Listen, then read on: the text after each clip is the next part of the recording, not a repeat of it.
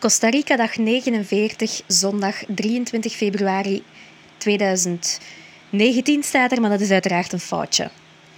Uitslapen was zalig. En ik denk dat dit de meest luie dag is geweest van de hele reis en dat niets dit nog zal overtreffen. Na opstaan, ontbijt maken en douche nemen. Mijn ouders kwamen me oppikken om terug naar hun hotel 10 minuten verder te gaan. Onderweg stopten we even om Playa de Hermosa te checken. Het was te warm, dus snel weer weg. Ik deed een handwasje op mijn ouders hun kamer en we lunchten op hun terras. De namiddag spendeerden we in en aan het zwembad. Ik meer in, mijn ouders meer aan. Daarna heb ik lang gebeld met Annelies, mijn boek uitgelezen en een half uurtje baantjes getrokken. En pina colada gezopen. Avondeten in het restaurant, daar was weer overheerlijk. Super zachte ossobuco dat smelt in de mond met risotto. Ze voerde me nog naar huis waar ik mijn rugzak heb gemaakt. Ik ben te moe en heb te weinig zin in het festival vandaag. So be it, Charlotte out. Costa Rica dag 50, maandag 24 februari 2020. Leuke dag vandaag, hoewel hij quasi begon met iets slechters. Na het zalige ontbijtbuffet in mijn ouders hun hotel namen we afscheid. Ze zetten mij nog af aan mijn bushalte. Mijn mama was emotioneel. Maar als ik bedenk hoe vlot de eerste weken zijn gegaan, mag ze zich getroost voelen voor, voor wat nog komt. Ik zou de bus nemen naar Uvita, van Uvita naar Palmar, daar een collectivo naar Sierpe en dan de boot naar Bahia Drake. Op de eerste bus al, slechts een aantal minuten na weer alleen op pad te zijn, heb ik met vier locals en drie toeristen gebabbeld. Met twee toeristen, moeder en dochter, deelde ik dan een taxi. Ik heb ook naar de podcast geluisterd over solo travel. Geen hele interessante, behalve dan de stelling dat solo-reizen je de ervaring geeft om op jezelf terug te vallen en sterk te zijn op jezelf. Dit is een kwaliteit die heel nuttig is, zeker bij verlieservaringen, zoals bijvoorbeeld een break-up. Je leert er jezelf te troosten en geeft vertrouwen dat het ook goed komt als je op niemand kan terugvallen. En dat vind ik wel interessant. Ik ben benieuwd of dit me kan helpen om om te gaan met teleurstellingen. Ik wil hier alleszins het maximale voor mezelf uithalen. Een andere stelling was dat je door dingen niet op het moment zelf te delen, je het moment zelf intenser ervaart en je de prikker niet uithaalt, zoals de Hollandse meid het benoemde.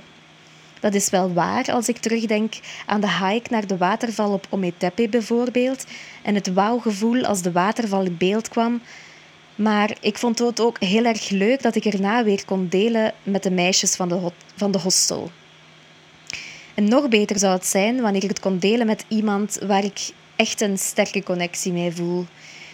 Dat is voor mij denk ik het ideale reizen. Semi-samen, semi-solo reizen met iemand waar je een goede connectie mee voelt, met voldoende vrijheid om je eigen ding te doen en een eigen verhaal te schrijven, maar ook met de goesting om regelmatig samen mooie herinneringen te delen en eens een foto te maken.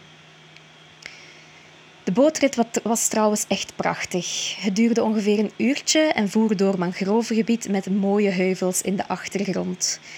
Ik zat er met een glimlach op mijn gezicht. Ik zit ook in een gezellige hostel, Martina's Place. Ik had wat contact met een Franse jongen, maar het, toch niet, het klikte toch niet echt, dus lieten we elkaar weer achter. Ik ben dan op mijn eentje gaan hiken.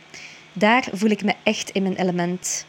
Ik had nog drie uur voor zonsondergang, dus ging anderhalf uur heen en anderhalf uur terug.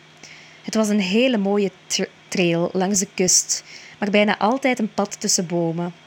Ideaal dus, want in 35 graden wil je niet in de volle zon lopen. Op die drie uur heb ik trouwens anderhalve liter water op.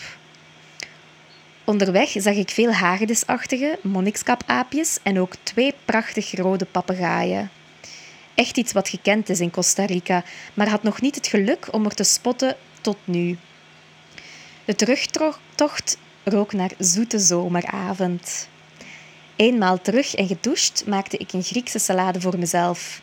Ik was nog even sociaal, maar weinig zin en moe en morgen vroeg opstaan.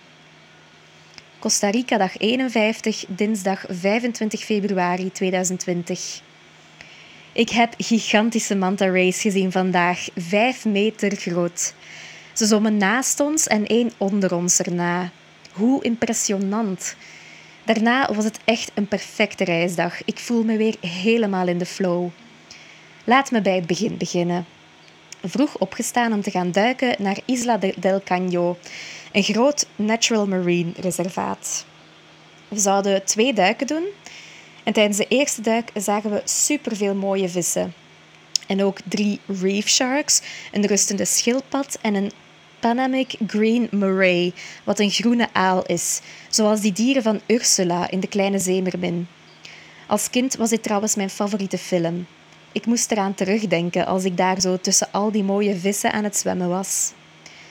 Tussen de twee duiken gingen we even aan land op dat onbewoond eiland. Daarna op naar de tweede duikplek, Bajo del Diablo, onder de duivel is dit vertaald.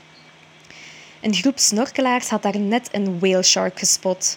Ook echt een natte droom van vele duikers. Dat geluk hadden we helaas niet, maar het was dus echt super impressionant als de twee mantas één voor één passeerden. Het is de beste duikplek van Costa Rica en echt zijn geld waard. Na de lunch wou ik nog hiken naar Playa San Josecito, blijkbaar het mooiste strand in de buurt, en ongeveer een half uur verder dan ik gisteren al ben gehiked. Alleen was de uitdaging om, het voor donker, om voor het donker weer thuis te zijn. Het was 14 uur en het is 18 kilometer heen. Uitdaging. Ik begon dus met een stevig tempo. Weer enorm genoten van de wandeling, het zicht, de sport en het feit dat ik dit alleen aan het doen ben in Costa Rica. Het zag er wel naar uit dat ik het niet ging halen. Om 16 uur bereikte ik de Rio Claro, een rivier zonder brug en dus een obstakel. Er ging een bordje dat je op een fluitje moest blazen als je overgezet wilde worden. Er kwam dan een nogal Norse man om me voor 2 dollar over te zetten en me dan op een iets minder Norse manier zijn Turtle Rescue Center en touragentschap voorstelde. Ik legde hem mijn situatie uit en hij zei dat er twee mensen van de tour gingen terugkomen die nog een taxi naar Bahia Drake gingen nemen vanuit Rincon, een klein uurtje hiken tot de dichtstbijzijnde weg. Maar het was dus wel een topoplossing voor mij. Ik kon me dus even neerzetten, genieten van een boek en een koffie op een verlaten strand in een zeer rustig deel van Costa Rica. Zo zalig weer. Ik surf op de golven die op mijn pad komen. Ik stapte daarna mee met de twee Duitsers plus twee Duitse vrijwilligers naar Rincon.